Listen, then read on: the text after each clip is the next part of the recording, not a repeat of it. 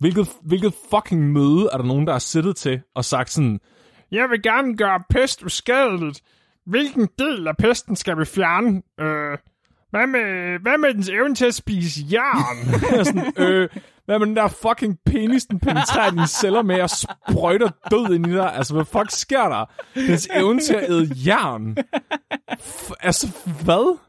Det er faktisk, okay, penisen er faktisk et bedre mål, det er du ret i. Men jeg er ikke sikker på, at man kendte til den i 1890, eller hvornår man nu lavede den her. Det, er, fuck, det er ligesom at sige, hvordan skal vi bekæmpe Taliban? Ikke? Du Ja. får et ønske at tage noget fra dem. Sådan, skal vi tage deres våben fra dem? Skal vi tage deres infrastruktur? Altså, du ved, skal vi tage deres transportmidler? Sådan, hvad med, vi tager alle deres knappenåle? Så får de bare rigtig, rigtig svært ved at stoppe deres sokker. Man kan altså ikke, man kan altså ikke lave terror, når man har hul i sokkerne. Ej, det er også virkelig træls, hvis de sætter mig op i vores kontorstol, så vi stikker os i numsen. Fuck, dens eventagede jern. Hvor er det fucking dumt. Vi bringer en advarsel. Den følgende podcast handler om vanvittig videnskab. Al forskningen, der præsenteres, er 100% ægte og udført af professionelle. Mark og Flemming står ikke til ansvar for eventuelle misforståelser, men minder jeg om, at de altid har ret. Husk at være dumme.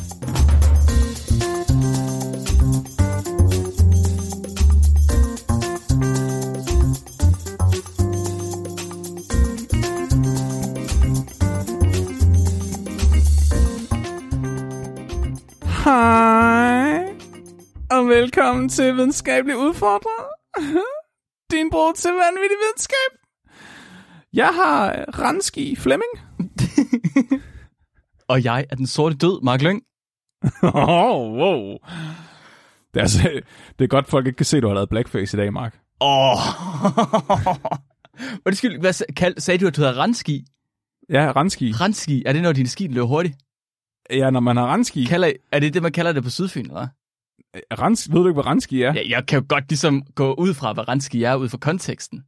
Ja. Men jeg har aldrig hørt det ord før. Nå, det er når, øh, det er når lortet der render ud af dig. Er det, ja, okay. Er, det kalder man det simpelthen øh, på Sydfyn. Det ved jeg. Det, altså, jeg troede alle vidste, hvad Ranski var. Men også det hedder det Møllerbæ, eller diarré. Og Møllerbæ, den er også god. Møllerbæ. Altså, øh, folk derude, der ikke er fra Fyn, øh, skriv lige ind, om øh, I kender nogen, der bor ude af Ranski. Ja, ja tak. Jeg vil, godt, jeg vil også godt vide. Den skal vi have afgjort, om det er en tåsinge-ting, eller hvad fanden det er. Mark, hvorfor, øh, hvorfor har du lavet blackface i dag? Øh, det har jeg ikke, Flemming, fordi det kunne jeg aldrig finde på, fordi det er politisk ukorrekt, og jeg er den mest politisk korrekte person, der findes i hele verden. Men grunden til, at øh, vi skal tale om øh, den sorte død og om Ranski, det er fordi, at jeg skal, jeg har til dagens afsnit simpelthen sat mig for at finde et svar, forsøge at finde et svar på et spørgsmål, som øhm, ingen har stillet. Ingen ud over en enkelt person. Der er simpelthen øh, Erik Peter, der skrev en kommentar på øh, et af vores afslag på et eller andet tidspunkt, hvor han var sådan, jeg vil godt vide, hvad, for, hvad, hvad der er værst, pest eller kolera.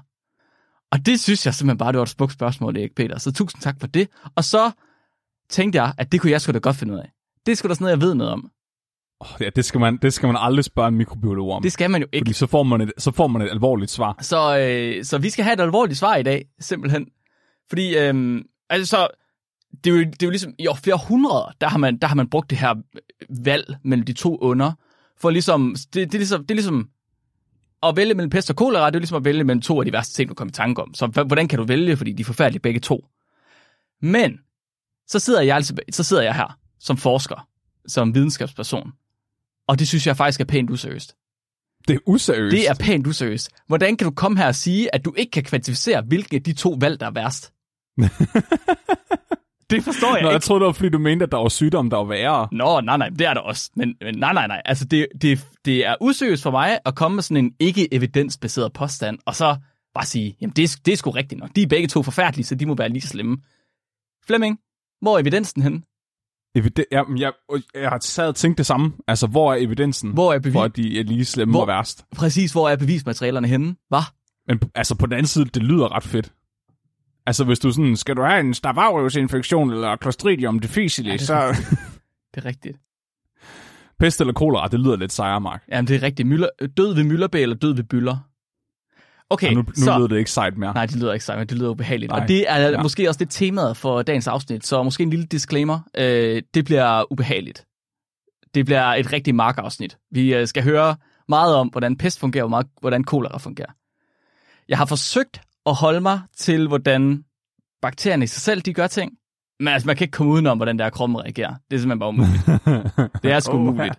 Så øh, Ej, så vi kommer helt fra molekylærbiologiens verden i dag ud til øh, medicin. det bliver faktisk måske øh, et af de mest videnskabelige afsnit, jeg har lavet rigtig længe. Fordi man kan ikke rigtig snakke om det her, uden at være sådan rigtig detaljeorienteret nørdet. Så det, Du prøv at høre, det, det er lige så snart med, med et eller andet forfærdeligt, så, så, så går du bare all in på dit research. Altså, det skal bare læses i hjælp det der, hvis der er nogen, der dør smertefuldt af det. jeg synes ikke, jeg har researchet så meget den her gang. Jeg har kun 50 faner åbne i Chrome. Så altså, så slemt er det heller ikke, Flemming. Helt ærligt. Det lyder rigtig uinteressant, Mark.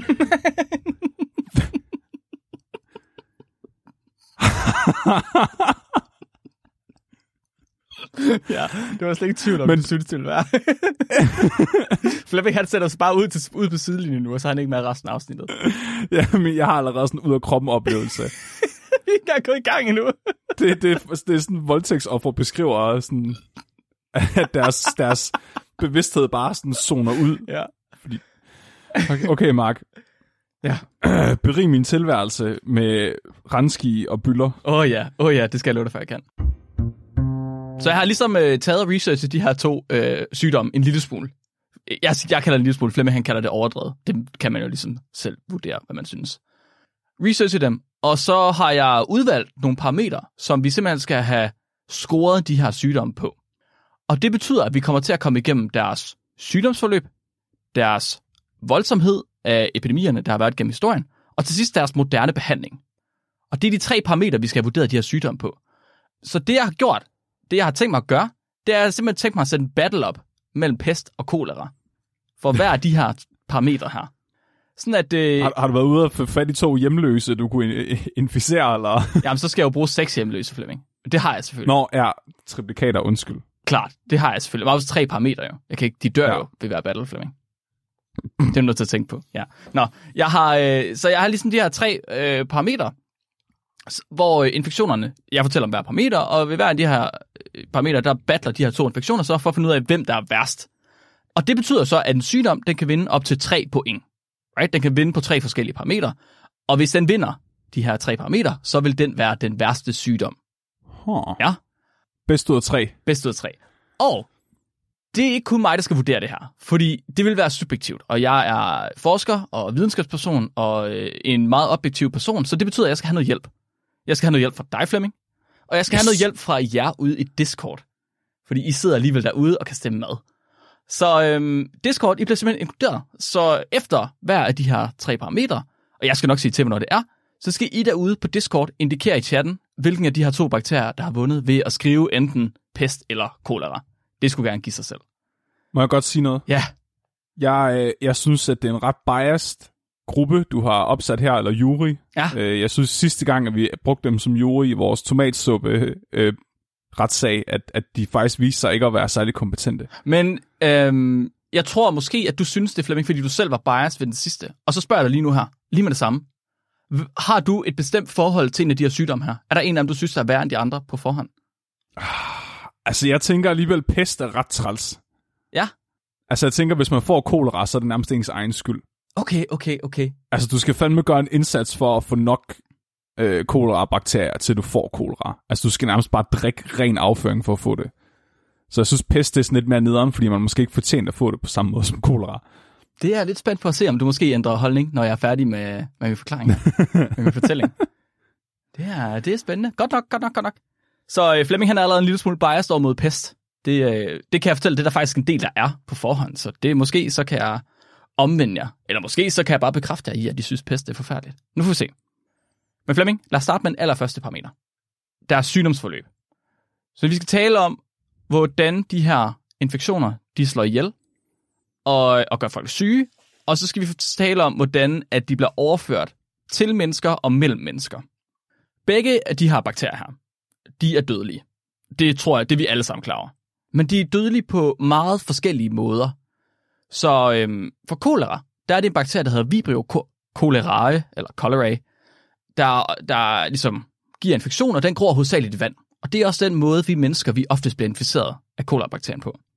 Så det er sådan en lille halvmåneformet bakterie, med, et, med der har nogle sæt haler for enden, der minder om sådan en nihalet pisk nærmest. Den ligner sådan en rigtig satan, altså en rigtig dæmon i virkeligheden. Af de to infektioner her, der er kolera, det er sådan brute force. Altså det er rush-taktikken. Det er, det, det er at tage en hel her af 10.000 mand, og så bare løbe imod fjenden. Leroy Jenkins! præcis. præcis. Kolera, det er, det er infektionens Leroy Jenkins. Så øh, det er en her på små 10 millioner celler, der invaderer dit indre, og så overlever de din mavesyre, udelukkende fordi, at der er så mange celler, så at de kan, det er sådan, de kan ikke tage os alle sammen. ja, det er, det er når, man sådan, når man starter på mikrobiologi, så er det sådan, en af de eksempler, man får, det er sådan, hvor mange af den her bakterie skal du spise, før du bliver syg af den. Og der er kolera altid et eksempel på et latterligt højt tal. Mm-hmm. Altså, du, de, er, de, de kan ikke overleve mavesyren. Du skal bare, du bare, men statistisk set, så er chancen måske en ud af en million, for en af dem overlever, så er det sådan fint. Præcis. Så, så kommer der bare en million. Altså, Præcis. det, det er helt, altså andre, andre sygdomme, der er en bakterie nok, men, men kolera, der, du, du skal bare drikke ren diarré med kolera i for at få det. Du har fuldstændig ret, Flemming. Så de fleste af de her 10 millioner celler, der kommer ind i, i vores krop, eller hvor mange det nu er, de dør ligesom i vores mavesyre. Men hvis der bare er 1% eller 0,1% der overlever, så er det nok til, at vi har flere hundredtusinder celler, der ligesom når videre ind i vores tyndtarm. Og, oh. og flere hundredtusind celler, det er, jo, det er jo rigeligt, det er jo masser. Fordi så kan de ligesom lægge sig som et lag oven på vores tyndtarms epitel, vores øh, tyndtarmsceller. Oh. Og så kan de formere sig. Og så kan de øh, gro. Og når de så gror nok, så begynder de at producere et toksin. Og kolera-toksinet, det er, altså ganske enkelt, så er det fucking modbydeligt. Så hvor, vores celler i tarmen, de har sådan helt, de har en meget naturlig evne til ligesom at udskille optage vand ved at regulere, regulere koncentrationen af øh, kloridioner der, altså klor, øh, i tarmen. Og det, det har vi jo også snakket om før, det der med, hvor meget salt der skal være i kroppen i forhold til, om du bliver dehydreret eller ej.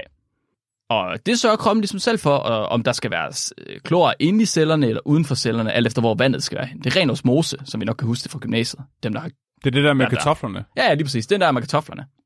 Og det er egentlig det er sådan, vi ligesom får sørget for at få trukket det meste vand ud af vores mad, men det er også den måde, vi ligesom kan pumpe vand tilbage, så vi ikke altid ligger på en etter på Bristol-skalaen. Og kolera det kigger på det her system, og så siger det, fuck det. Prøv at, det der, det, det, det, det er noget fucking pis, det gider jeg ikke have. Kan du holde op med det lige nu? Du skal ikke, du skal ikke regulere dit vandindtag. Jeg vil fandme ikke have det. Oh. Og så holder den ligesom porten åben. De her sluser her, der skal sørge for, at klor det kan komme ind og ud. Det er sådan nogle øh, små gates, der kan åbne og lukke sig, baseret på nogle ret bestemte ting. De siger kolera bare, fuck det, fuck det skal være åbent hele tiden. Vi holder bare røghullet åben på de her celler her, og så kan klor bare komme ind og ud, ligesom der er lyst til. Der er fri adgang til tyndtarmen, så det bliver bare pumpet ud af cellerne, så meget det nogle gange kan. Og når, oh. så bliver koncentrationen af klor, den bliver ligesom alt, alt, alt for høj i selve tarmen, altså i røret, der er tarmen. Og osmose siger jo, at når koncentrationen af salten er høj, så følger vand efter. Right? Ja. Så alt vand i kroppen begynder bare at trække ind mod vores tyndtarm. Ind mod vores tarmsystem. Alt vand, så vi har røv, i kroppen. Din røv suger bare al saften ud af din krop. Uden pis. Det er lige præcis det, der sker, Flemming. Din dit tarmsystem bliver til en svamp, der var sådan, det, det sådan, den tager alt vand til sig, og så pumper den det bare ud, fordi der er ikke plads til det. Oh. Vel? Altså, når der ikke er plads til det, så får vi ligesom diarré. Det er nødt til at skal ud et eller andet sted. Og øhm, der kommer rigtig meget vand ud, så man får rigtig, rigtig, rigtig meget diarré.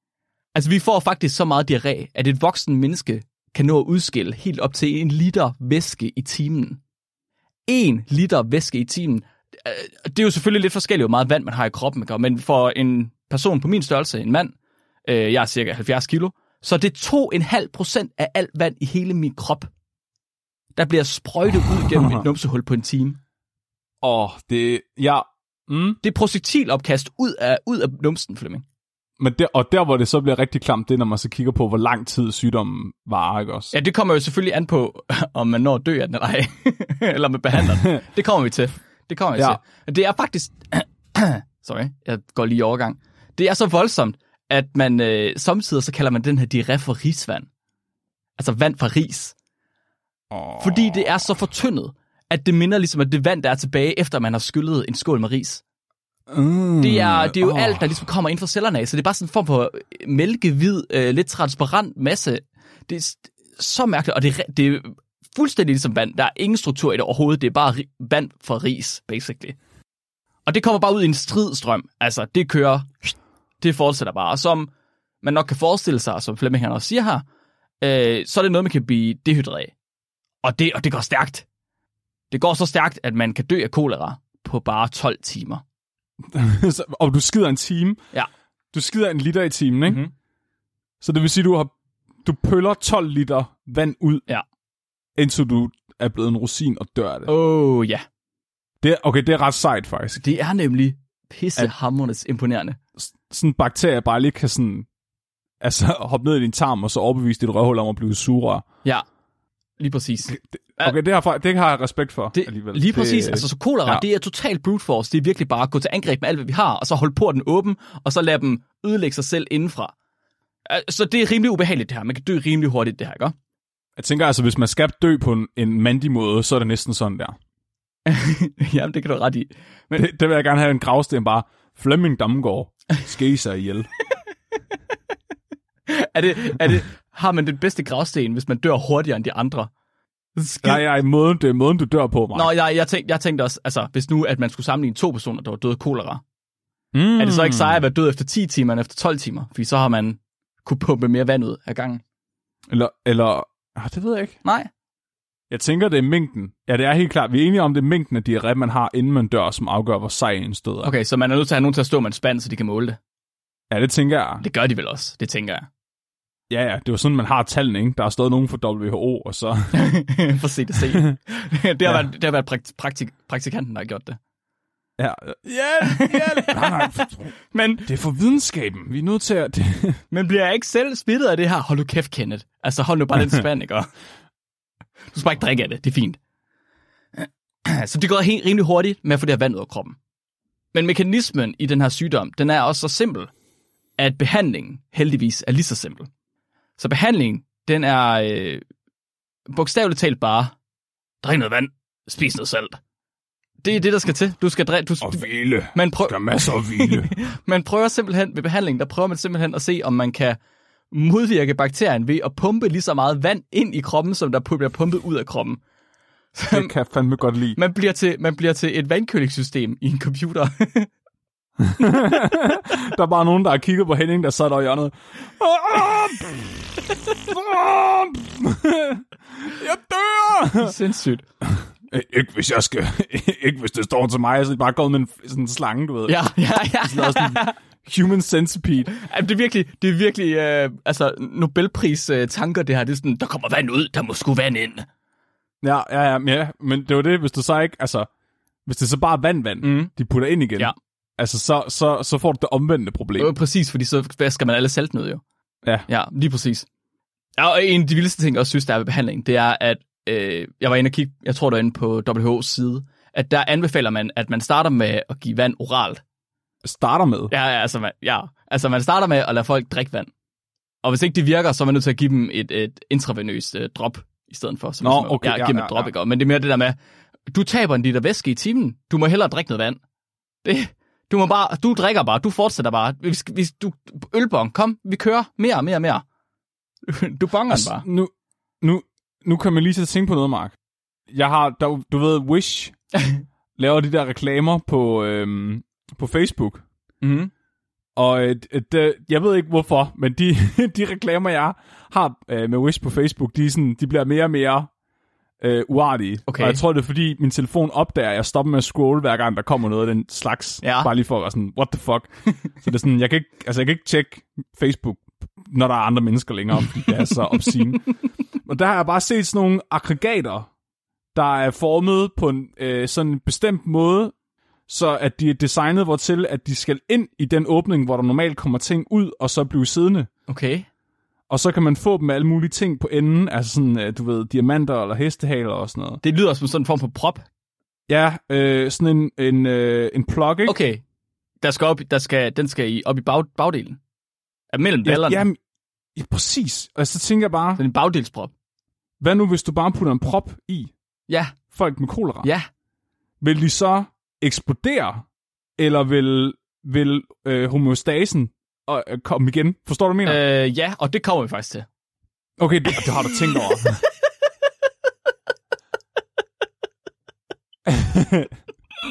Fordi jeg tænker bare sådan, altså inden der er nogen, der har sagt, hold op, der kommer meget u, vi må hellere putte noget ind igen. Så, ikke, så er der nogen, der har tænkt, hvad med vi bare lukker hullet? Altså, det, det, det giver bare, den tanke kommer før, Jamen, det, du har ret. Du har ret. Den før- første gang, man så vand sprøjte op igennem sit båd, så proppede man den. Man prøvede ikke at tage vandet ud. Men Ja, det gjorde man præcis, så anden den gang, synker. ja, det kan godt se. Ja. Ja, øh, men ja, det kommer vi faktisk til, Flemming. Det, Ja, du, ja. du bare vent, bare vent. Det bliver rart.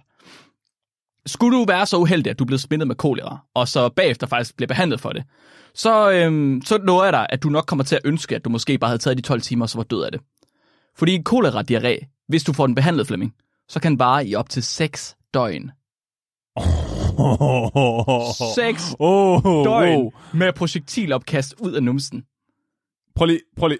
Jeg bliver nødt til at vide, hvor mange liter det her det er. Så- okay, så det siger 6 gange 24 timer. Mm-hmm. Det er 144 liter diarré. Det er 144 liter tyndskid, Så jeg tog, der kommer ud af... jeg, jeg tog øhm, hvad hedder det, øh, procentsatsen af min masse med vand, eller procentsatsen af min vand. Der er cirka 42 liter vand i min krop. I alt. Mm.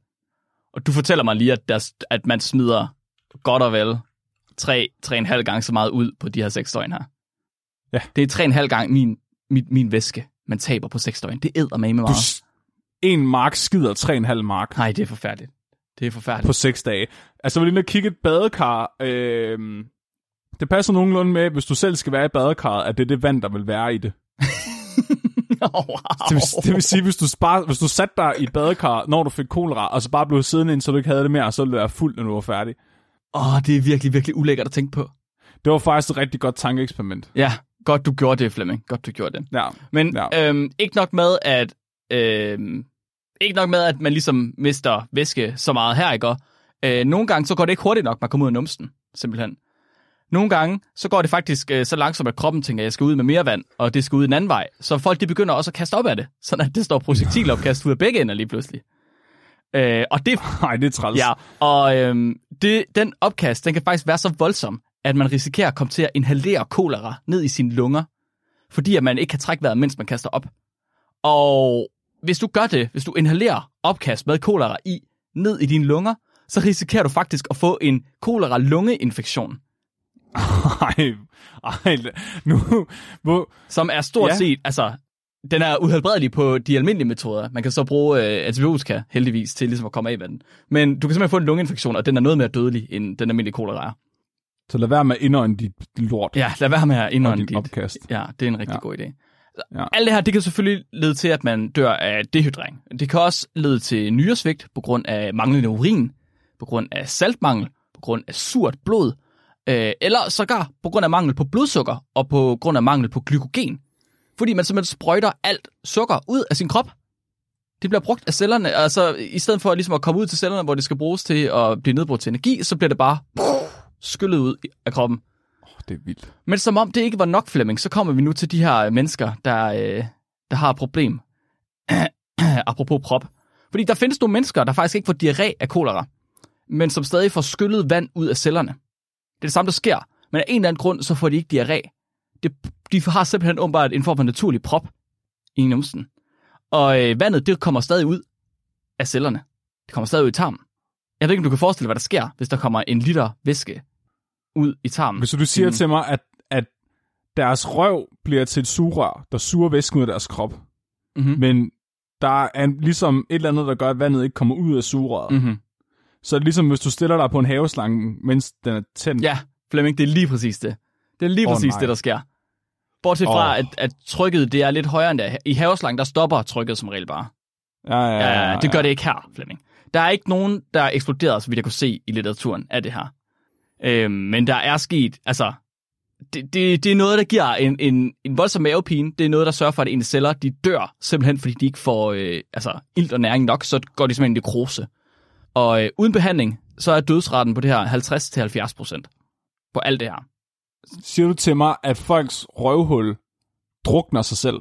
Ja, det er det, jeg siger. Det er, okay, det er ret, det, det, altså jeg siger bare, hvis der er nogen derude, der er med i et metalband, der er inspiration til en sang der. Color-induced uh, drowning by butthole. Okay, så hvis man får kolera uden at få det behandlet, så dør man halvdelen til lidt over halvdelen af gangene. Vi har ikke snakket om overførsel nu, men jeg tænker, I kan nok forestille jer, hvordan det er, at kolera det bliver overført mellem mennesker. Og det er også en anden årsag til, at man kalder den her diarrévæske for risvand. Fordi Undskyld. Nej, folk skider ikke på ris og giver dem til en anden, vel? Nej, nej, nej, de skider ikke direkte på Flemming, men i gamle dage og i nogle lande, der er øh, kloaksystemet ikke helt lige så, øh, hvad skal man sige, decentraliseret, som det er her. Eller det er måske mere decentraliseret i virkeligheden. Så at, du ved, man skider i floder, basically. Man skider øh, steder, hvor der er, at man, lorten kan komme væk, så det ikke lugter for meget. Det er fandme smart. Det gør man jo for eksempel i Indien i Gangesfloden. Jeg ved ikke, om man gør det stadig, det gjorde man i hvert fald på et tidspunkt. Det, det er fucking smart at kigge derover og sige, wow, der er vores eneste kilde til rent drikkevand. Ja. Og det, som vi bruger til al anden husholdning. Mhm. Mm-hmm. Hvad med at gå over og skider i det? Ja, og det er jo, det er jo lige præcis det, der har været problemet, ikke? Og Fordi så er der nogen, der sidder, så stikker de røv, røven ud over vandskorpen op i den ene ende, og så 10 meter ned den anden vej, der står så øh, den søde lille vaskekone og øh, vasker tøj, og øh, tager mad op til at kunne lave noget aftensmad, og lidt af hvert. Og øh, det, nogle gange så er det med, altså vand, der ikke lige bliver kogt, eller også så er der allerede kolaktoxin i det, så det er jo ret nemt at blive inficeret på den måde. Åh oh, ja, det, og det er så typisk mennesker, ikke? Fordi så er man bare sådan... Altså, hvis du shamer en, der sidder og skider i vandet, så er bare sådan, prøv at høre, dem oppe i landsbyen længere op, de sidder fandme også og gør det. Åh, oh, de fucking svin. Så kan vi lige så godt gøre det også, ikke? Ja. Og det siger alle bare hele vejen ned ad floden. Ja, bare præcis. sådan, de andre gør det også, og gør det lige meget. Ja. 100 procent. 100 procent. Indtil du kommer ud til kysten, ikke? Hvor de allerførste, de er bare... Men her er det okay, for her er alt vandet salt. ja, ja, ja, præcis. Ja. Ja, så øhm, man får oftest kolera ved også man, at drikke diarrévand, basically, eller spise ting, der har været i kontakt med det. Det var ligesom da vi snakkede om de der fladorm, leverinficerende fladorm. Kan du huske det? Ham der gutten, der havde puttet æg ind i sin mave, eller sin arm, eller sådan noget. Og det var ham, der brugte sig selv som transportkasse. Ja, præcis. Det var også øh, oftest, der fandt man dem i våde områder, hvor de kunne leve de her vandsnegle, som kolera også kan gå ind og inficere, simpelthen, og sætte sig på. Undskyld, hvad? Ja, lige præcis. Kolera, de kan simpelthen de kan jo bruge andre dyr som værter. Det kan de. De kan blandt andet bruge vandsnegle. Det betyder, at de er rimelig nemme at finde i rismarker og i vandkastanjemarker og alle sådan nogle ting. Så okay, så kolera kigger på den her fucking orm, der, der æder din lever og tænker, hvad skal der noget på onsdag? skal, skal vi se, hvem der vinder? ja, præcis. Skal vi Bliver det leversvigt, eller bliver det, eller bliver det død ved diarré? Totalt. Okay, så det var kolera. Kolera, det er en brute force bakterie. Den kører din tarme over med en fucking damptrumle, og i den proces, der slår den dig ihjel. Hvis kolera, det er en invasion med en kæmpe hær, så er Yersinia pestis til gengæld en stealth mission. Det er en ninja. Siger du lige, kan du lige pest for stealth? Det er lige præcis, hvad den er. Den er en fucking ninja. Fordi den sorte død har fundet ud af at hitchhike i uh, tarmene på lopper, der ofte hitchhiker på rotter. Okay, så den gemmer sig i tarmene på lopper, der gemmer sig på rotter. Ja. Og det er selvfølgelig også derfor, man tænkte, at øh, rotter de var skyld i den sorte død. Men det er så ikke tilfældet faktisk. Ikke direkte i hvert fald. Det er faktisk loppernes skyld i stedet for. Så øh, den sorte død, pest, den skyldes en bakterie, der hedder Yersinia pestis. Og den gror simpelthen inde i lopperne, der ligesom kan hoppe fra dyr til mennesker, og så bide i mennesket. Hvilket selvfølgelig inficeres, det er klart. Og det lægger vi ikke nødvendigvis mærke til. Andet det nok klør lidt. Fordi det er ikke altid, man lige mærker sig loppebid. Nogle gange gør man, nogle gange gør man ikke. Nogle gange så ser man bare, at man har et loppebid senere. Okay, så lopperne og rotterne, Ja. de får ikke pest. Øh, de er, altså, violensfaktorerne, det der gør pest sygdomsfremkaldende, det slår ikke lopperne og rotterne ihjel. Så Så det er bare sådan middleman. ja, fuldstændig, det er deres... Det er, åh, det er klamt. Jeg, jeg kalder det deres øh, primærvært. Loppen er deres primærvært. Rotten har de faktisk ikke rigtig noget med at gøre. Det er kun fordi, at loppen er på rotten. Men at lopperne kan også være på alle mulige andre dyr i virkeligheden. Okay, så det er loppen af hende, der er gift med Ted Bundy. Ja. Og Ted Bundy er pest. I guess. Hvad, hvad er rotten så? Så, hvad? Hvad er rotten så? Det er et godt spørgsmål. Jeg tror, at det, det den st- analogi fungerer ikke helt, Flemming. Nå, okay. Fint nok, jeg prøver bare at få nogle seriemorder med ind, Mark. Ja, godt det, bare. ja, men fordi det her afsnit er ikke slemt nok i forvejen. Hvordan vil du perspektivere det her til Charles Manson? ja. okay, okay, okay, okay, Flemming, stop. Øhm, så vi lægger ikke mærke til, at der er loppebid her. Vi bliver bidt af en loppe, der kommer nogle bakterier ind, øh, og vi ser ingenting. Men inde i vores krop, der har pestis, den har allerede sat gang i at slukke for vores kommunikationssystemer. Og den har allerede forsøgt at forklæde sig og gemme sig blandt vores celler. Så pestis, den kan simpelthen gå ind, og så kan den undgå vores indadte immunforsvar, som vi har snakket om tidligere, altså de her celler, der normalt går ind og så æder bakterier, for ligesom at kunne præsentere dem senere. Der er pestis, den kan gemme sig, så kan den i stedet for at blive et af dem, så kan den sætte sig ovenpå dem og ind i dem. Ja, så øh, pestis, den går hen, og så sætter den sig på en makrofag, som er dem her, der æder. Og så bruger den en lille bitte nål, den har et type 3 secretion system, hedder det, til at pumpe nogle proteiner ind i makrofagen. Undskyld, har den en tissemand? Har en tissemand simpelthen, og den spytter ting i en masse tissemand. Så den boller, den boller immunforsvaret. Øh, basically. Altså, jeg, jeg, du ved, det er en stealth mission, det her, så jeg tænker nærmere, at det er, at den kommer ind, og så putter en et eller andet bestemt stof ind i. Sandhedssium, et eller andet, ikke? Eller den, mm. den fucker lidt med nogle ledninger i et eller andet. Altså, jeg ser det her som sådan en type, der ligesom er inde og infiltrerer. Det er sådan, jeg forstår det. Ikke penetrære. Ikke penetrerer. Præcis. Nej, fint nok. Okay, Mark, det er din uh, historie. Din, uh, Flemming, nu må du lige være med på mit niveau, ikke? Undskyld. Du er så, du er så tidsmandsfixeret, og Charles Manson fixeret. Det er helt vildt. Ja, men jeg ved det ikke. Det er en fase, Mark. det, det går over, når de børn er gamle nok. Det, det sker altid, når det bliver efterår. Så, øh, Når vi kommer tættere på oktober. ja, så går jagten ind, så går det over igen. Så de kan simpelthen pumpe de her proteiner ind i makrofagerne, og så kan de slukke for, for makrofagernes evne til at kommunikere med hinanden. Så normalt så kan de tale med hinanden og fortælle hinanden, hvad der, er, der sker, og hvad der foregår, og hvad de har spist. Men det kan de ikke længere. Så Pestis går simpelthen ind, og så stjæler de jeep, og så kører de bare ind i, ind i altså vores territorie, ind i vores egen base. Fordi de tager den her makrofag her, og så hitchhiker de på den. Og makrofagen, den tager sig over i lymfen. Og vores lymfesystem, det er vores hvide blodlæmers motorvej i kroppen. Det er det, de bruger til at komme andre steder hen i kroppen, og det er det, de bruger til at finde andre immunceller og til at tale med hinanden. Det er også derfor, at øh, den værste pest, vi har haft, det var en bubonic plague. Bubonic betyder bylle. Nå, det vidste jeg ikke engang. Byllepesten er simpelthen, den sorte, den sorte død, det var en byllepest. Ja. Og byllepesten, en bubo, er en øh, hævet lymfeknude, simpelthen. nej, Jo, nej, nej. Siger du til mig, at byllerne var lymfenoderne, der var hævet? Lige præcis. De her sorte, sorte byller, folk de har, når de får pest. Det er simpelthen lymfeknuder, der er hævet til de er ved at springes. Fuck, det er et problem. Er det ikke sindssygt? Åh, oh, det er ulækkert. Åh, oh, det er virkelig ulækkert. Det vidste jeg ikke. Fuldstændig. Åh. Oh. Så det er jo ligesom noget rigtig lort, når man har sådan en lille ninja-bakterie, der hopper fra makrofag til makrofag, og så basically overtager dem en efter en.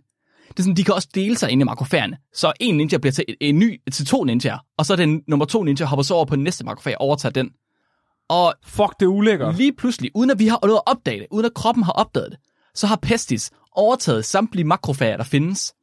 Og ikke nok med, at de ligesom har lukket for makrofagernes kommunikation, og at de har gemt sig i bagagerummet, så har de fandme også plantet bomber ind i makrofagerne, Flemming. Så efter en vis mængde tid, når der er nok, når de ligesom ikke gider mere, eller når de synes, det er sjovt, så bliver der sat i gang i sådan en kædereaktion, hvor når immuncelle, de synes, det er sjovt. når de synes, det er sjovt, når de har lyst til at springe ting i luften, så bliver der sat i gang Ja. i sådan en kædereaktion, hvor immuncelle efter immuncelle, de dør, og så spreder de endnu flere pesticeller videre rundt i miljøet, så de kan plante endnu flere bomber og myrde endnu mere væv. Og til sidst så er de sådan, okay, der er ikke flere makrofager, så går vi bare videre til de andre immunceller, og så går vi videre til de andre celler, og så kan de skabe nekrose og apoptose, alle mulige former for celledød. Så hele kroppen, når vi opdager, at ting er begyndt at dø på grund af pest, så er det for sent. Så når du har fået byllerne, så er du fucked. Når du har fået byllerne, så er du basically fucked. Jeg tror, jeg er ikke helt sikker på det, fordi jeg ved faktisk ikke, hvor hurtigt du skal være om at behandle det. Det er ret hurtigt. Men jeg ved ikke, om byllerne kan nå at komme før da. Det går ret stærkt alt det her. Det går virkelig, virkelig stærkt. Men vi kommer også ind på øh, behandling af det. Så vi, vi to, vi har nogle gange talt på programmet her, om hvorvidt vi synes, at en infektion eller en parasit, om de er effektive eller ej, i og med, om de slår deres vært ihjel eller ej. Right? Og man kan måske tænke, Ja. at det er sådan lidt åndssvagt, at pestis, den er så pissegod til at slå os ihjel. Fordi, hvordan skal den så blive spredt videre? Uh, uh, uh, uh, Ja. ja. uh. Må gætte, må Ja. gætte? Er den inficeret af en fag? Mm, det ved jeg faktisk ikke. Det tror jeg ikke. Det, man, det kommer jeg, nej, det kommer jeg faktisk ikke ind på. Det vil vi godt tage nu. Der er, jeg fandt et studie, der viste, at der er to forskellige pestis, eller Yersinia-bakterier. Der er en, der hedder pseudotuberkulose, og en, der hedder pestis. Og man har set, at pestis er en udvikling af pseudotuberkulose, hvor den simpelthen har fået Nå. nogle af tuberkuloses, ikke rigtig tuberkulose, den har fået nogle af den gener, som gør, at den er violent på en bestemt måde. Nå, Øhm, og den, det kunne godt være en fag. Måske, har det har, jeg faktisk, det har jeg ikke selv tjekket, men der, man har lavet sygt meget forskning på det, så jeg tror, man ved det. En af de vilde ting ved det her, det er, at en af de øhm, hvad hedder det, mutationer, der var, eller en af de gener, den fik, det har gjort, at den har ændret sin livsstil i lopperne.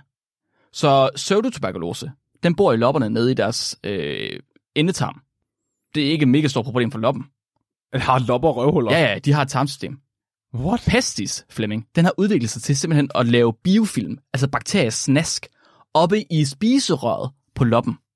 Så meget, at den simpelthen blokerer for loppens mulighed for at indtage føde. Og det betyder, at loppen den bliver mega aggressiv, fordi den kan ikke få mad, så den er sådan, okay, jeg kan ikke få mad, så skal jeg bide endnu mere. Og så bider den endnu mere, endnu mere, endnu mere. Men fordi den ikke kan spise noget, og fordi der er blokeret, så begynder den at kaste op i stedet for.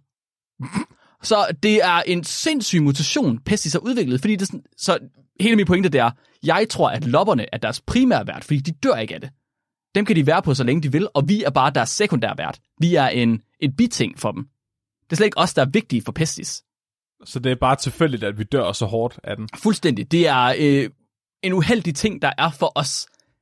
Fordi at de simpelthen udvikler sig til at gro bedre, eller leve bedre inde i de her øh, lopper. Så når, okay, så når der har været forskellige pestudbrud gennem historien, så har det været, fordi der er en loppe, hvis pestsygdom har muteret på en måde, som så har gjort, at den kunne hoppe på mennesker på en anden måde end normalt. Lidt ligesom coronavirus lige pludselig muterede fra flagmus til mennesker, Ja. selvom at det tydeligvis er gain of function.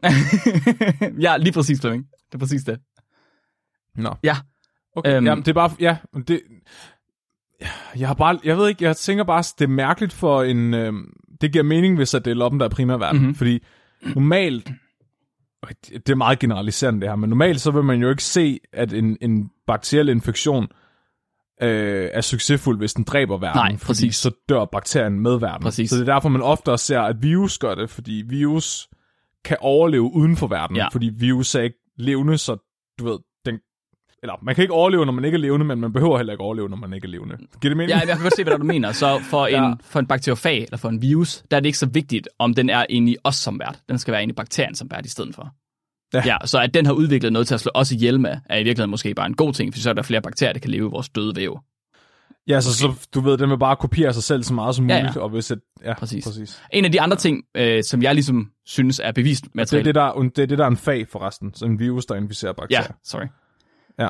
En af de andre ting, som jeg synes, der er øh, øh, evidens for, måske mulig evidens for, at vi ligesom er et sekundær verden, det er, at øh, pestis, den har, øh, den har nogle, de vildt farlige gener. De gener, den spytter ind med den der tidsmand. De gener, de er ikke aktive ved 30 grader. 30 grader Celsius. Okay. 30 grader Celsius, det er loppens normale kropstemperatur. N- Oh, Når pestis den kommer what? over til 37 grader, så bliver de her gener induceret. What? Så det er først, når den rammer 37 grader, som er et almindeligt pattedyr, eller også, ikke alle pattedyr, men mange pattedyr, at den ligesom bliver violent, som den gør. Altså, den begynder at slå ihjel. Men så, okay, men så er der jo også noget i dens livscyklus, der er designet til at inficere os. Ja, muligvis. Jeg ved ikke, om Selvom det er fordi... loppen er primærverden, så, så er den jo stadigvæk des- designet til at dræbe os på en eller anden måde. Ja, det kan være det, er fordi at den ligesom kan dele sig i de her makrofager her. Når primærverden så dør, så øhm, ved jeg ikke, om der så... Måske er det, fordi der kommer rotter til, som så har lopper på sig, og så kan den sprede sig endnu mere. I don't know. Oh, det er mærkeligt. Gider, kan den lave endospore måske? Mm, nej, den var ikke, ikke sporlærende, synes jeg, jeg så. Nå, okay. Ja, fordi det vil også være et godt bud. Hmm. Øhm, hvis den her buboniske pest, byllepesten, den ikke behandles, så er dødsraten 30-60%. Okay, okay. Det er lavere end for kolera, faktisk. Øh, men, Det er, okay, det er ret imponerende, at det laver en kolera. Ja. Altså sådan, tyndskid eller dit immunforsvar hæver til det eksploderer. præcis. Men Flemming, der findes faktisk tre typer af pest. Der findes ikke kun byllepest. Fordi bakterien her, den kan også på en eller anden ubehagelig måde, så kan den komme ned i lungerne. Øh, det er som regel ved, at man kommer til at hoste, så ved aerosoler. Du ved, det man, der, grunden til, at man har maske på for corona, det er for at sørge for, at vi ikke sprøjter aerosoler ind i hovederne på hinanden. Den kan faktisk videreføres via de her aerosoler, og så kan den sprede sig til andre lunger. Og en ubehandlet infektion i lungerne, den er 100% dødelig for pestis. Så hvis du indånder pest, Så dør du. så er du fucked. Så dør du. Hvis du ikke bliver behandlet, selvfølgelig. Den kan også komme i blodet, og i blodet der er det det samme. Der er du også 100% død. Mhm. Kan vide om de der, øhm, de der, hvad hedder de? Plague doctors. Ja. De der pestlæger. De der havde de der masker Mhm. mm-hmm. på, der lignede sådan nogle lange kravnæb. Om de faktisk egentlig så har beskyttet dem lidt alligevel. Det tror jeg faktisk, uden at de ved det, men så har de ligesom ikke kunne få aerosoler ned i lungerne. Ja. Så enhver form for maske har beskyttet dem, i hvert fald en lille smule. Ja. Og også det, at de havde blomster og parfumer og sådan noget ude i enden, kan også være med til at filtrere en lille smule, sørge for, at vandet bliver fanget derude huh. i virkeligheden. Nok ikke lige så godt som de her otte lag stof, man skal have på i virkeligheden, men det har nok virket bare en lille smule. Åh, oh, det er ret sejt. Nå ja, grund til, at de slår, slår ihjel, når det er lungerne, det er fordi, at øh, de kan sørge for, at lungerne de bliver fyldt med immunceller. De kan simpelthen tiltrække immunceller til lungerne. Og de her immunceller her, de inducerer nekrose, som er celledød, altså vævsdød simpelthen. De inducerer simpelthen, at alle celler omkring sig dør, og samtidig så kan pestis sørge for, at immuncellerne ikke dør.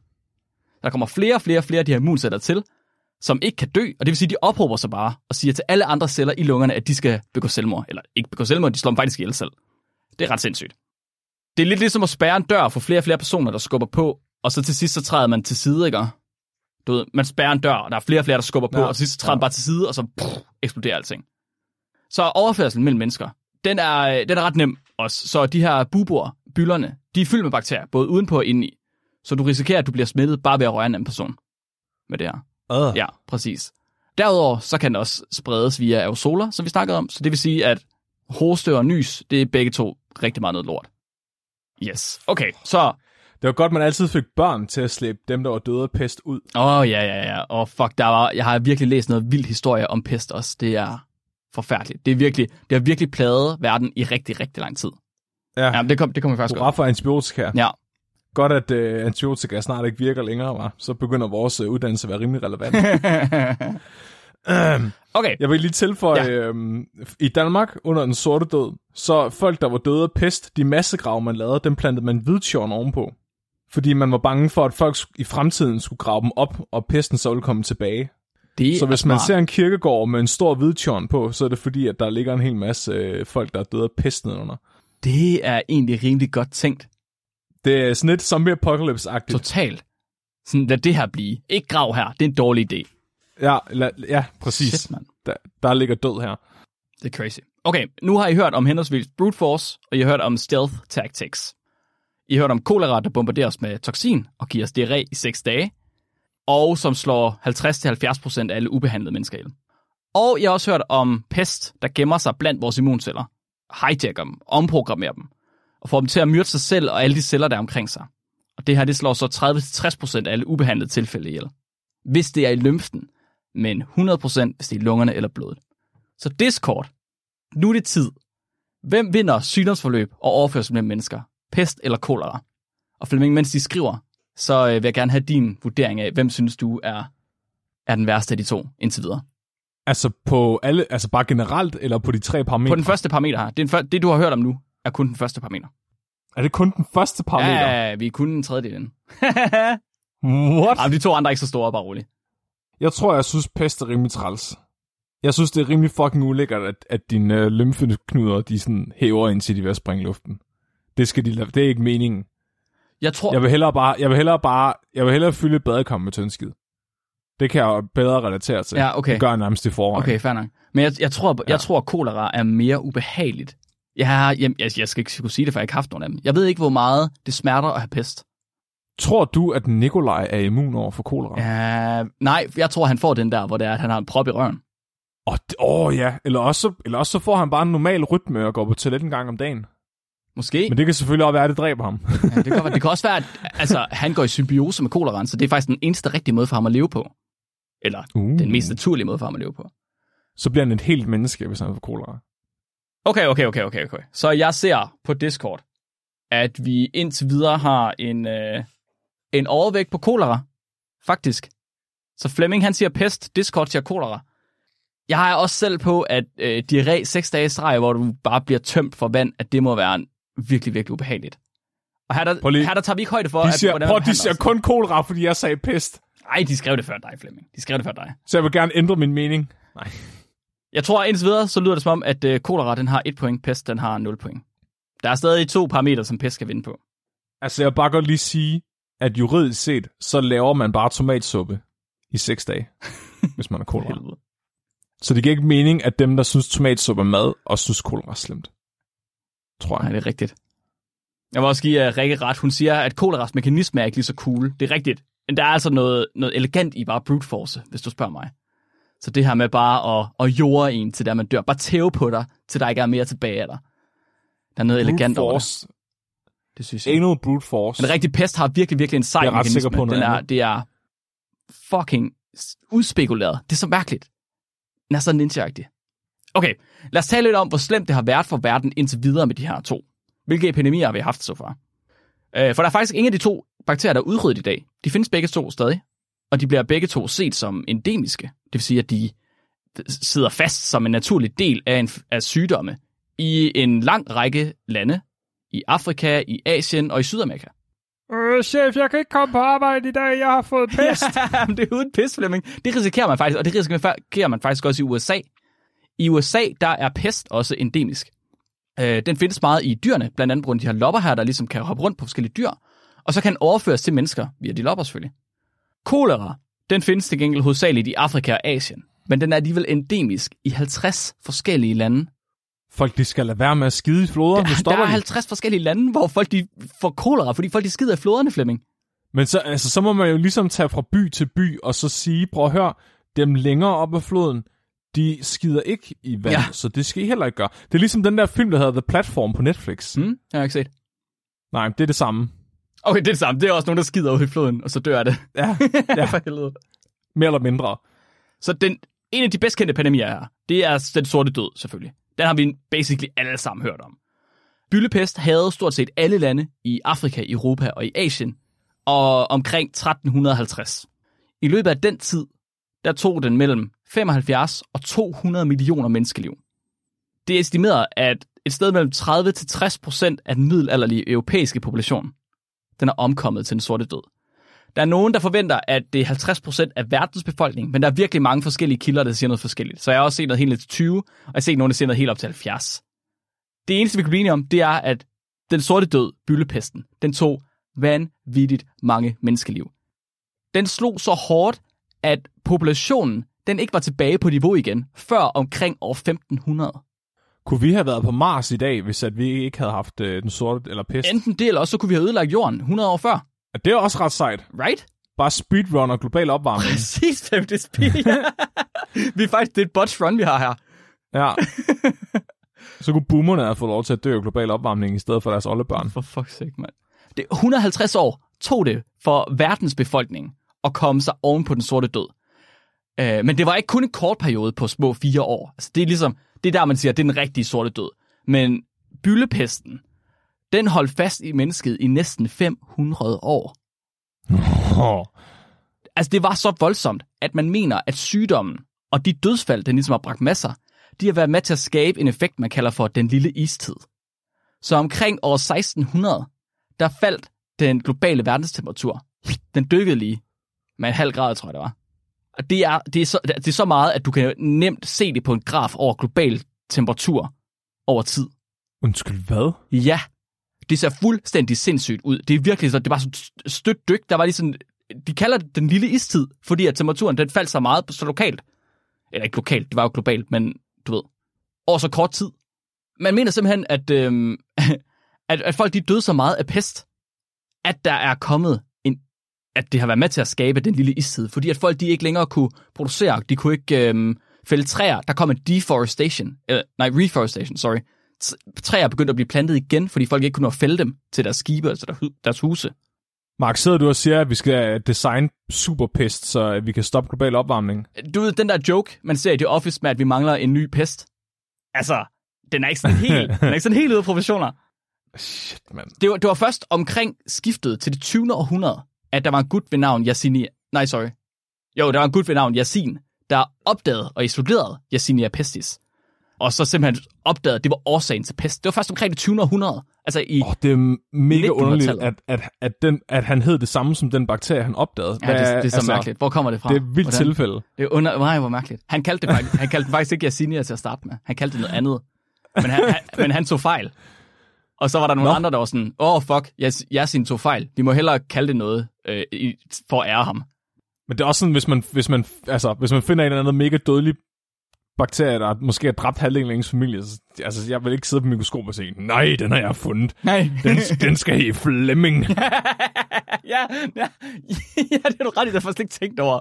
Det skulle være noget med vilje, han ikke kan kalde det sit eget navn. ja, præcis. Fuck, det er du ret i. Oh, shit. Man skal, for, man skal forske noget, man gerne vil opkaldes efter. Ja, Er det lige gået op for mig? Fuck. ja det har du ret i. Ja, så patogen er ikke pissegodt, Flemming. Nej. Der kan man bare se. Okay, pest har slået godt og vel halvdelen af verdens befolkning ihjel over en meget kort periode, og har muligvis været med til at starte en, en mindre istid. Kolera har haft syv pandemier inden for de seneste 200 år. Hold da kæft, mand. Syv pandemier. Det er svært Folk at kan virkelig bare godt lide at drikke hinandens det skal jeg fandme love dig for. Altså, det er svært at finde et endegyldigt dødstal for hele den her tid her. Fordi det er, så, det er over så lang tid, og det har været svært at skrive det ned og dokumentere det. Øh, jeg, læg, jeg har lagt tallene sammen på Wiki, og øh, når jeg gør det, så får jeg i omegnen af 100 millioner dødsfald over de her... Det er også ret mange.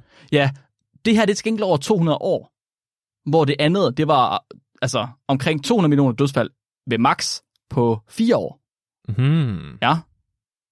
Så det er... Det ene tal er højere end det andet tal, Mark. Og det var over kortere tid. Det taler til fordel for den, der har det høje tal. Præcis. Og det høje tal, det var pest. Statistisk set Ja. er pest værst. Okay, Folkens. ja, ja, nu kommer bioinformatikeren lige med sin st- statistik. Men meget lav p-værdi.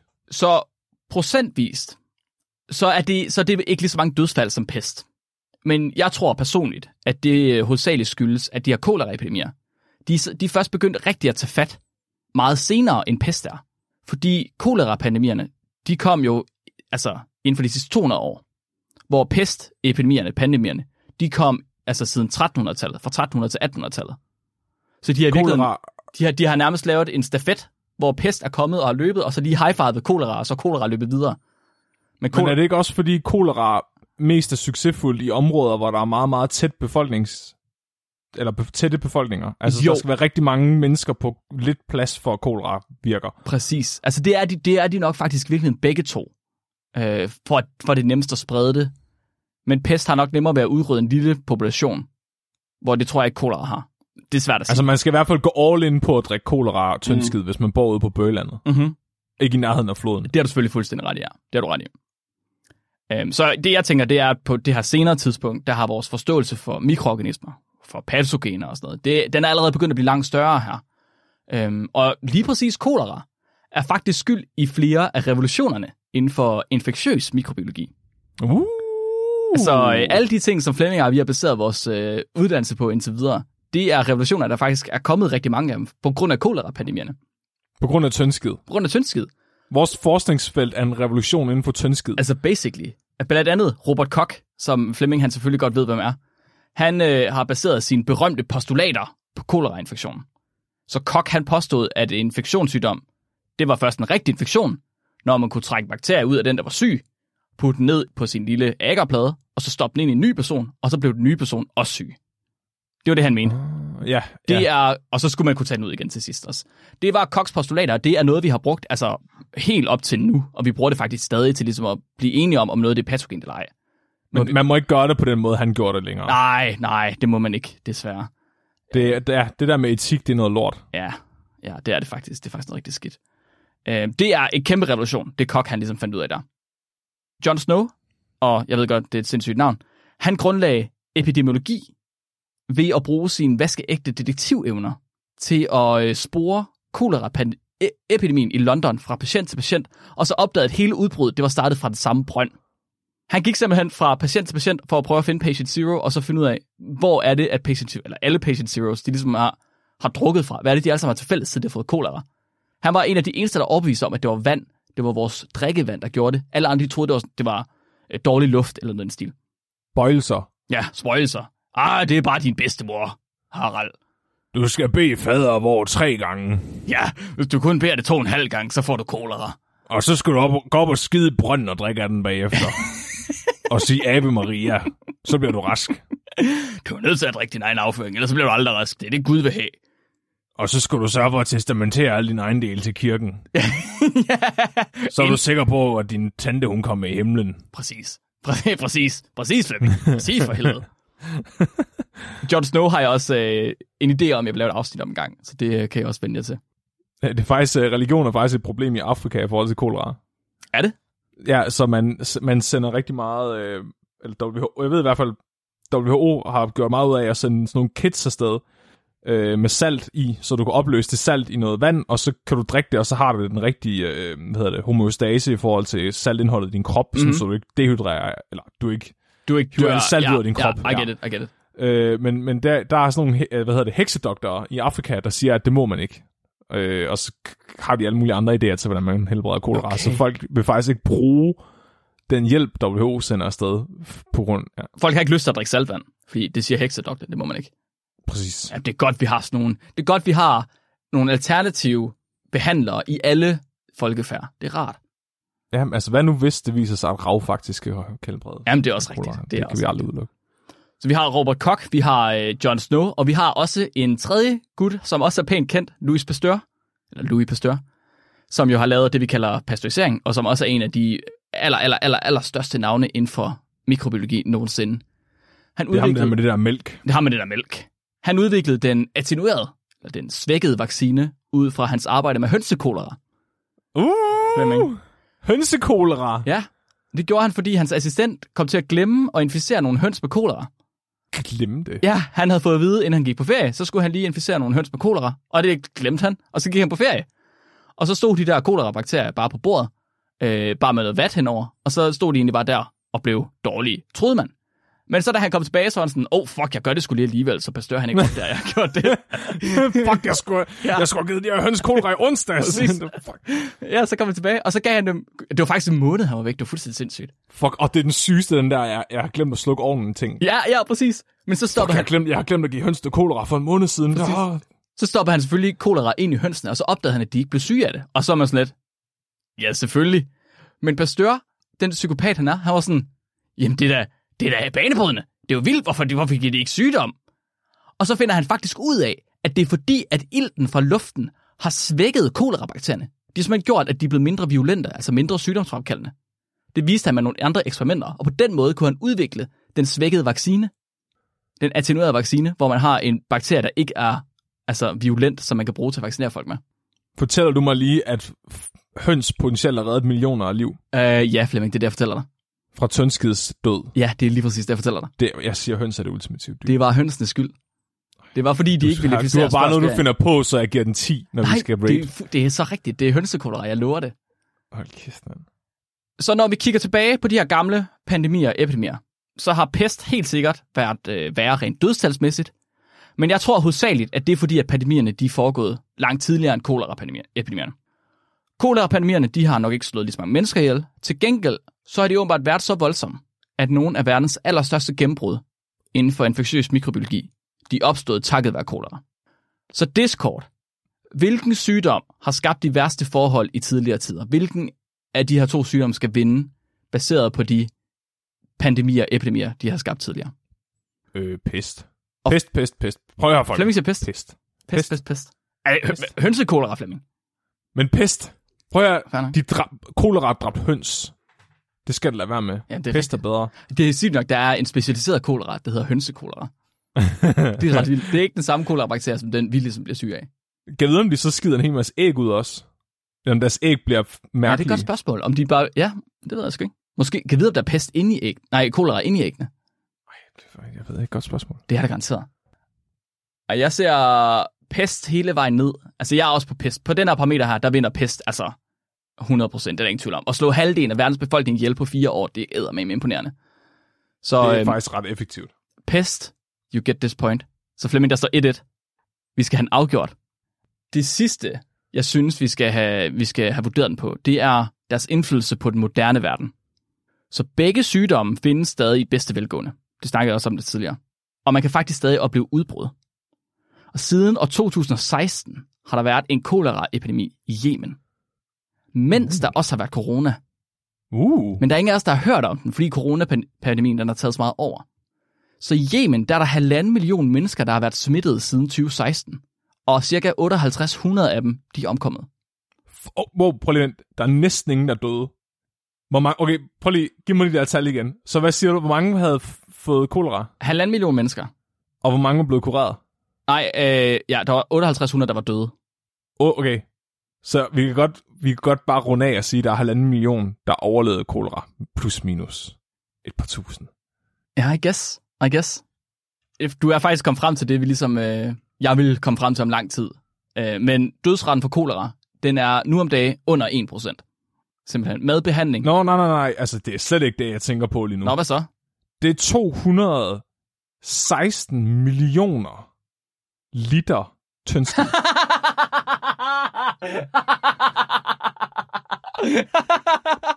Fuck, den havde jeg overhovedet ikke til at komme. det skulle jeg så meget at komme. det er fandme meget tyndskid. altså, Det hedder mange svømmebassin. det er kraftedeme meget tyndskid. Og så, altså, i Yemen, ikke? Altså, det er ikke noget mega stort sted. Faktisk, det, sagt. Man skulle næsten regne ud, hvor stort arealet af Yemen er, og så finde ud af, hvis folk bare havde skidt på jorden, hvor tykt et lag tyndskid vil der så ligge der. det er virkelig fedt. det er fandme ulækkert. Det er fandme 216 millioner liter tyndskid har de overlevet en overlevende skidt. Fuck, det er grineren. Ja, det er virkelig, Det virkelig godt at meget de ikke er døde af det, men de er med med bruttet meget. ja, det har de fandme. Åh, det var fed. Så kolera, der, den er ligesom stadig udbrud. Øh, pest derimod, den forekommer langt mere sjældent. USA har et sted mellem 10 og 20 tilfælde årligt. 10 og 20 tilfælde hvert år af pest. Det er ikke særlig meget pest. Det er ikke særlig meget pest. Øh, men pest er Madagaskar... jo meget sådan enten eller jo. Jamen, det er nemlig det. Det er nemlig det. det er den. Enten, enten dræber halvdelen af verdens befolkning og, og skaber en ny istid, eller også så, du ved, sidder jeg bare lige på den her loppe jeg lidt. sidder jeg bare lige på den loppe her. Øh, ja. Madagaskar er et af de lande i verden, der er værst ramt. Jeg ved ikke, om man overhovedet kan kalde det et land. Hvor skulle der kun lemur på Madagaskar? Ja, men åbenbart ikke, fordi øh, de har været uheldige med flere udbrud, hvor der er et par tusind mennesker, der er blevet ramt sådan hister her. Det var nærmest tre gange så mange, som der bor på Madagaskar, er det ikke det? Det, I don't know, hvordan kan der være, hvordan kan de, det forstår jeg ikke. Tusind men, hvis der kun bor 300 mennesker på Madagaskar, hvordan kan der så være et udbrud med 1000 mennesker? Det er fordi, de har fået det flere gange, så. Mm, det, der stod, det var årligt. Det, know. altså, jeg blander mig ikke i deres statistik, Mark. Jeg pointerer bare, Jeg ved altså... Jeg fik det fra WHO. Jeg tænker, de har, jeg ved, jeg tænker, de har ret, men jeg ved det ikke. Fe- Felix tilføjer der også, at pingviner på Madagaskar, der, der er nødt til at ret, ja. ja, de kan selvfølgelig nok også få, ko- få øh, pest. Ja. Det er klart. Behandlingerne mod begge sygdomme, de er blevet ekstremt effektivt. Så hvis man behandler hurtigt i hvert fald. Fordi de er også hurtigt, de her sygdomme jo. Man dør hurtigt, hvis ikke man bliver behandlet. Så øh, pest, den kan behandles ret nemt med antibiotika. Det er simpelthen, hvis du får, øh, hvad fanden er det? Tetracyklin, tror jeg det er. Så hvis du får det hurtigt nok, så er det, dør du nærmest ikke af pest.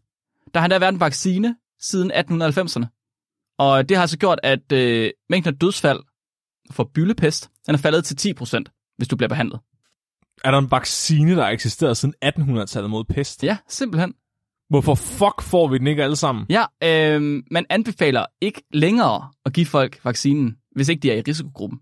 Jeg tror, fordi at man Fuck ikke synes, det er nødvendigt. Af risikogruppen for Ja. at dø af Jeg har, pest. jeg har tænkt præcis det samme. Det er sådan, har, har du et immunforsvar? Ja, nej. Præcis. Øh, du er i risikogruppen. Tillykke.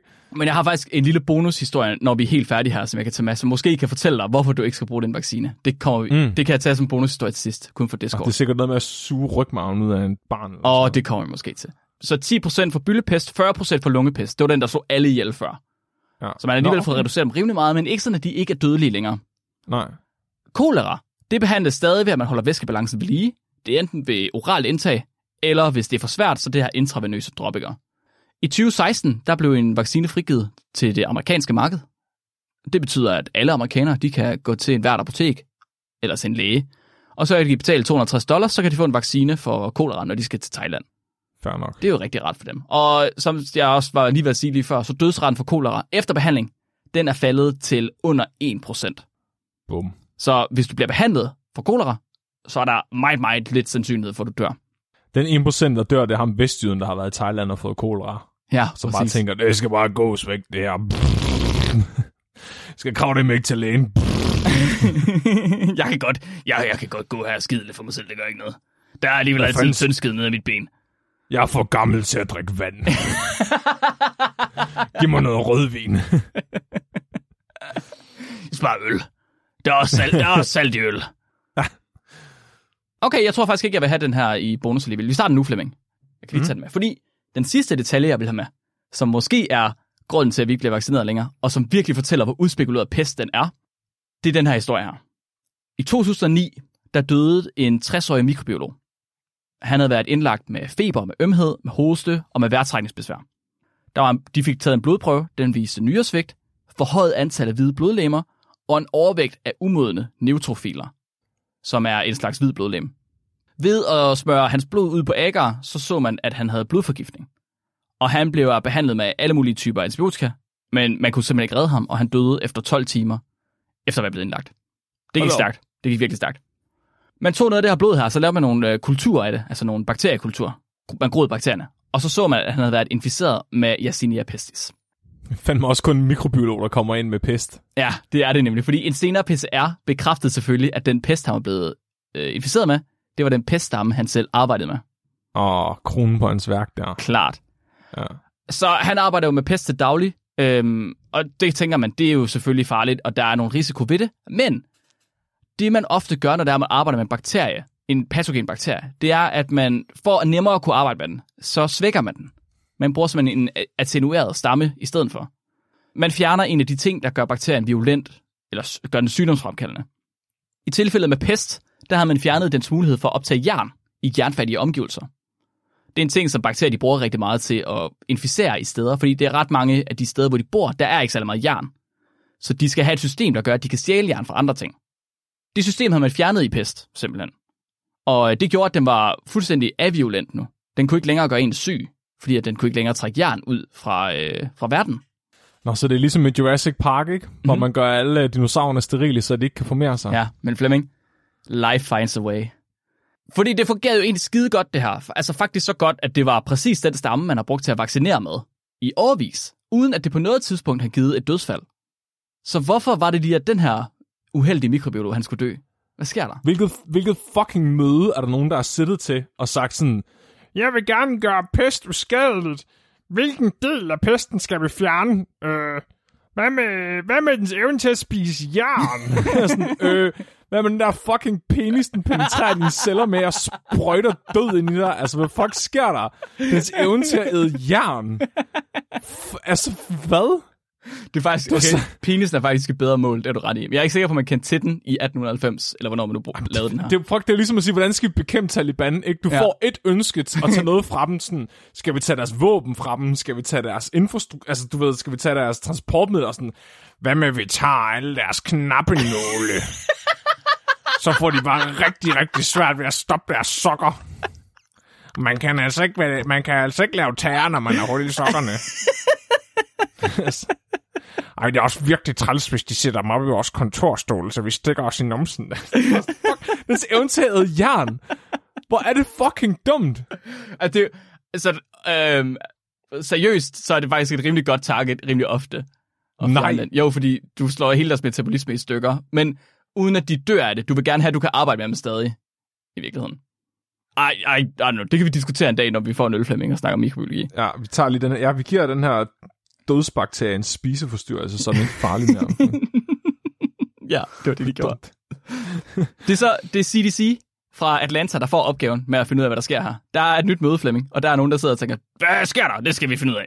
Og det gør CDC. Øh, og de starter selvfølgelig med at tjekke, om der skulle være sket en form for mutation, eller om der skulle være sket en kontaminering.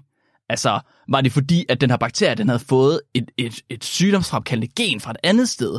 Eller var det fordi, at han var kommet til at, at han havde kontamineret sin prøve ved at komme en anden bakterie i det, end, end han troede? Eller hvad var der sket? Det, det var en ret mandig død. Det er en ret mandlig Og dø, og dø så hårdt, at uh, CDC undersøger ens død bagefter. Lige præcis. Så de undersøger den. De stopper den ind i en mus. Men da de gør det, så slår den lige så få ihjel, som den plejer at gøre. Den, den virker ikke til at være sygdomsfremkaldende overhovedet. Og øh, de har ligesom sådan en patogen referencestamme ved siden af. Og den slår alt ihjel. Det er sådan lidt, øh, okay, så den er ikke sygdomsfremkaldende, og den har ikke fået de her gener der, som pasogen har. Hvad sker der så? Og de sidder og kigger stammesamlingen igennem, de sidder og kigger alle hans materialer igennem ind i køleskabet, og kigger, kigger, kigger. Og øh, efter de har gjort det, så har de fundet ud af, at øh, der skulle nok ikke gå noget galt. Altså, han, det skulle nok den ikke-patogene stamme, han er blevet inficeret med. Og det er fucking mærkeligt, fordi den skulle ikke være violent, vel? Den skulle ikke være sygdomsfremkaldende. Den skulle ikke kunne gro i mennesker. Så de, kigger, de begynder sådan at være sådan lidt, okay, måske er det ikke pesten, der er problemet. Måske er det mikrobiologen, der er problemet. Undskyld, hvad? Ja, så de begynder at kigge på hans sundhedshistorik. Og kigger på, hvad det er, han har af sygdom og lidelser. Og så opdager de, de Havde først, han jernlunger? Åh, oh, du er så tæt på, Flemming. De kigger, på, Nej. de kigger på hans blodprøver, kigger på hans, øh, alle de prøver, der blev taget, og så opdager de, at han har haft fem gange så meget jern i blodet, som en almindelig mand på hans størrelse. Hvad? Ja, Hvorfor? det viser sig simpelthen, at han har haft en genetisk lidelse, kalder jeg det, fordi det er ikke en rigtig lidelse, ikke noget, der gør noget for folk, men noget, der gør, at han har absorberet meget, meget mere jern, end han skal bruge. Åh, oh, han er en af dem der, hvor man kan sætte magnet fast på ham. Måske, altså måske, han optager i hvert fald fem gange så meget jern som alle andre mennesker. Og det, det, det, What? det, det er sindssygt, fordi kroppen har ikke nogen mulighed for at komme af med jern, så de ophober det i stedet for i kroppen. Så øh, man, de, de der mennesker, der har en lidelse, de ophober bare jernet i deres krop, så det bliver, bare, det bliver ved med at være der. Og det synes den svækkede pestis jo bare er mega fedt. Så den har kunne gro sindssygt godt i den her krop her, fordi der er masser af jern, og den, kan, den har ikke det her system til at fange jern, hvis ikke det er tilgæ- tilgængeligt. Men når der er så meget jern, så kan den være pisse ligeglad. Den kan bare tage alt det jern op, den har lyst til. Det er jo mega fedt. Ligesom sådan en klumpfisk. Sådan en verdens mest talentløse dyr, der bare kun spiser det, der ryger ind i munden på den. Ja, præcis. Præcis, det er præcis det, de gør. Ja. Og en, en ting, der så til gengæld er, er ret fucked her, det er, at man har faktisk set, at den sorte død, dengang den var til, der har den simpelthen selekteret for folk, der har haft den her lidelse.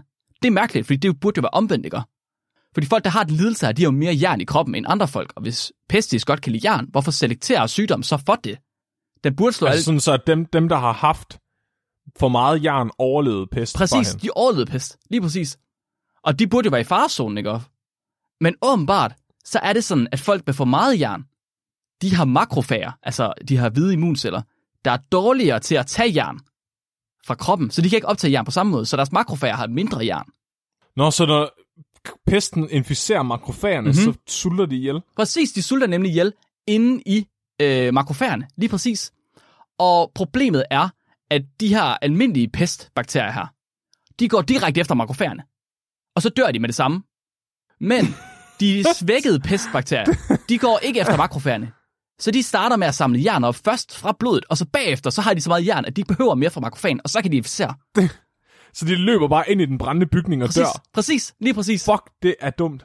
Hvor de andre, de venter bare lidt, og så bare fordi de venter, jamen, så får de jo bare noget vand med, som de så kan gå ind og så slukke det af den brændende bygning med. Det er for sindssygt. Det er en, på en eller anden måde lidt poetisk, at en person, der vil have været immun over for pest, Mhm. mm-hmm. vælger at dedikere sit liv til at forske i pest, Ja, for så at dø af pest. præcis. Det er lige præcis. Det er fucking vanvittigt. At det er så, så, så uheldigt. Naturen er smuk. Øhm, jeg tror måske, at det er derfor, man ikke giver den her vaccine til andet end folk, der er i risikogruppen. Fordi det er åbenbart 1 ud af 400 mennesker, der har den her lidelse. Så okay, så folk... Skal Ja. man så ikke bare putte magnet på dem, inden man vaccinerer dem? Jo, for at se, om, om de kan tåle det eller ej. Ja, ej, øh, jeg ved, det er bare fordi, jeg er fedtet, den der siddende.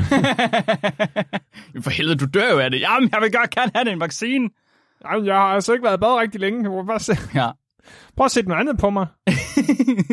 det minder mig om Pinocchio fra Svedbanken. Nej, ja, det er ikke en knast. Det er noget sovs, jeg har spildt fra i går. okay, okay. Det var, det var et langt sidespring. Det var, jeg synes bare, det var en sindssyg historie. Og virkelig Ja, god. uheldigt for ham, at han, han skulle omkomme med det. Det korte og lange der. Kolera, det forekommer langt hyppigere end pest i den moderne verden. Og vi ser stadig mange kolera-udbrud rundt omkring. Både kolera og pest kan behandles relativt nemt, og dødsraten kan re- reduceres markant, hvis man er hurtig nok.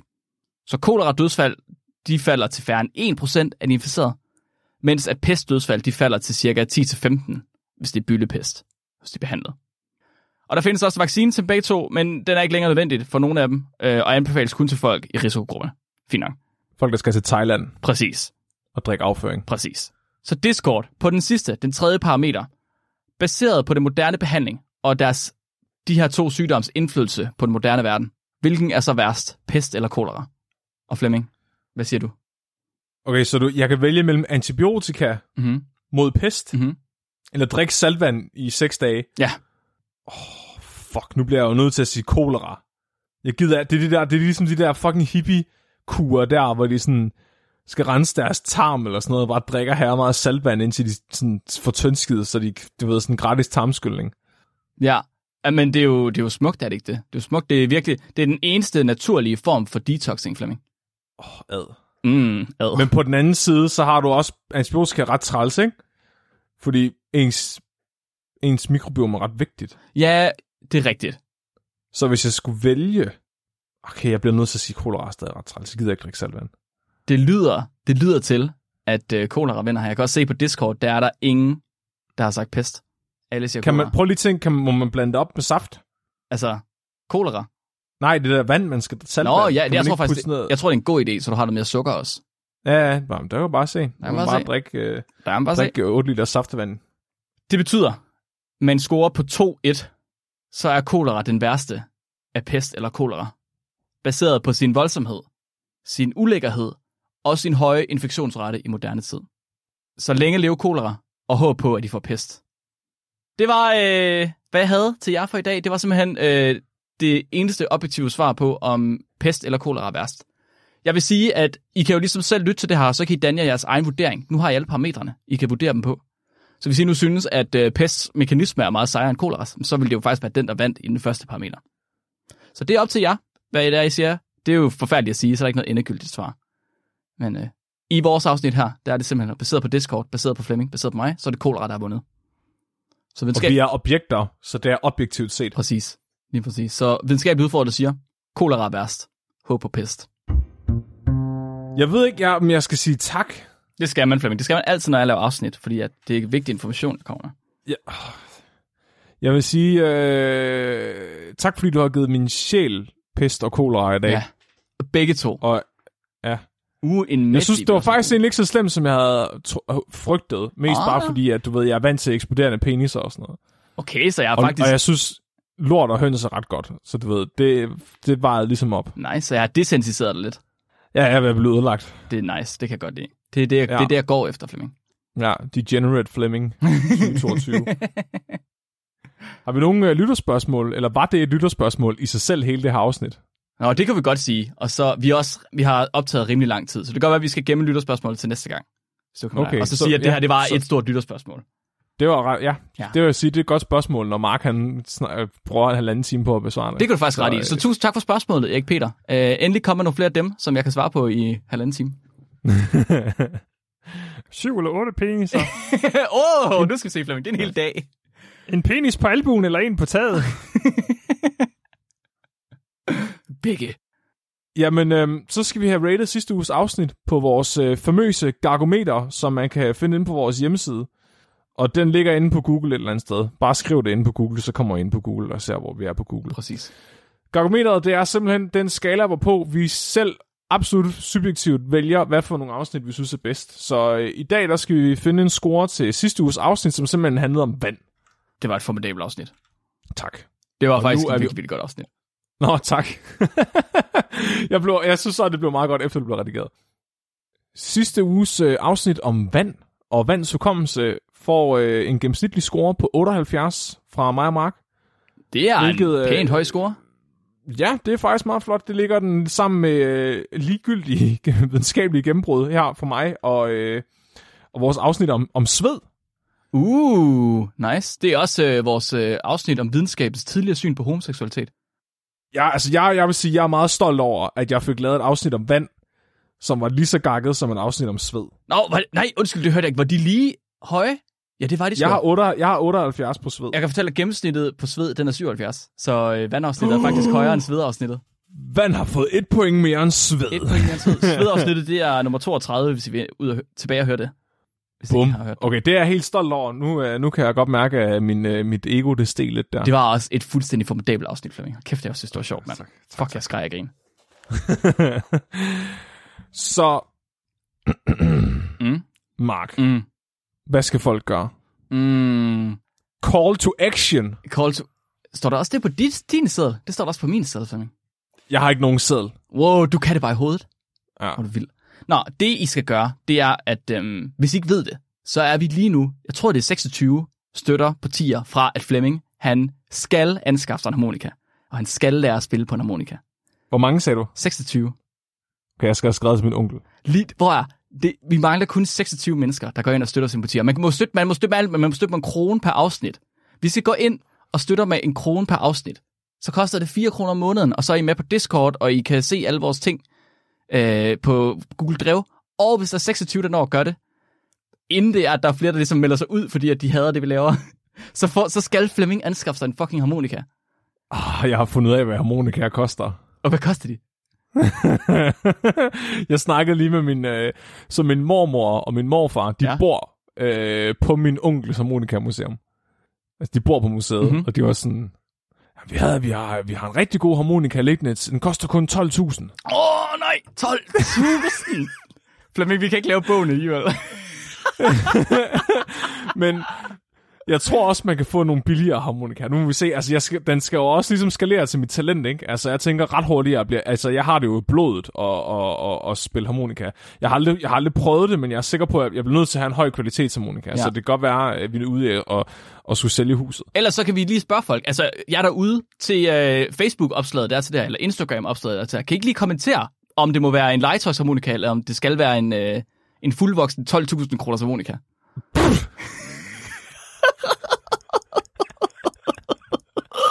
Jeg ved godt, hvad jeg synes. Jeg synes faktisk, det var sjovt med en legetøjsharmonika, men det er så, hvad det er. Åh oh, gud, men prøv at tænke på, hvor forfærdelig jeg bliver til fester, lige så snart at jeg har jeg spiller harmonika. Åh oh, nej, så du er ikke ham, der er gutten, der spiller Wonderwall på guitar. Du er ham gutten, der spiller... Du spiller Red Rashama på harmonika. nej, nej, dødsmetal på... Det- I ved bare, I ved bare, hvis I tager harmonikaen fra mig, så begynder jeg bare at tale om dvæve i stedet for. det, var, det, det er pest eller kolera, Flemming. Hold kæft, mand. Oh. Næste uges afsnit Mm, skal handle om biomimetik. ja, det skal så. Så øh, vi har et liveshow i sidste uge. Ja. Eller, glem liveshowet. Det behøver vi ikke snakke om, Mark. Vi skal snakke om biomimetik. Ja. Når videnskaben efterligner naturen. Og det bliver skide sjovt. Jeg skal snakke endnu mere om delfiner. Åh, oh, det bliver mega fedt. Jeg skal snakke om en forsker, der er helt vild med zoomaller. Med zoomaller. Med zoomaller. Oh, Gud. Var helt vild de med er også ret zoomaller. seje. Ja, de er også, okay, de er ret seje. Det glæder jeg mig meget til. Ja. Så det bliver jo et, øh, et gammelt format, afsnit i virkeligheden, hvor vi begge to skal snakke. Oh, ligesom i de gode gamle Ligesom dage. i de gode gamle for dage. to måneder siden. Ja. Kan vi holde til det, tror du? Ej. Jamen, altså, jeg kan ikke sige andet end tusind tak, fordi at du både har givet mig pest og kolera i hjernen i dag, Mark. Velbekomme. Og øh, kan du lige dulme det med en dyrefakt? Ja, det kan jeg love dig for, jeg kan. Dagens dyrefakt er sendt ind af Tilde. Tusind tak for dyrefakt, Tilde. Og Tilde, hun har skrevet, og sagt, at der findes en baggældesnegl, der smider penis efter parring, og derefter så ruller den en ny penis ud af kroppen. Man kalder det en rullepenis. Tak for det, Mark. en rullepenis. Åh, oh, mit navn er Flemming. Og mit navn er Mark. Du er blevet videnskabeligt udfordret. Husk at være dum.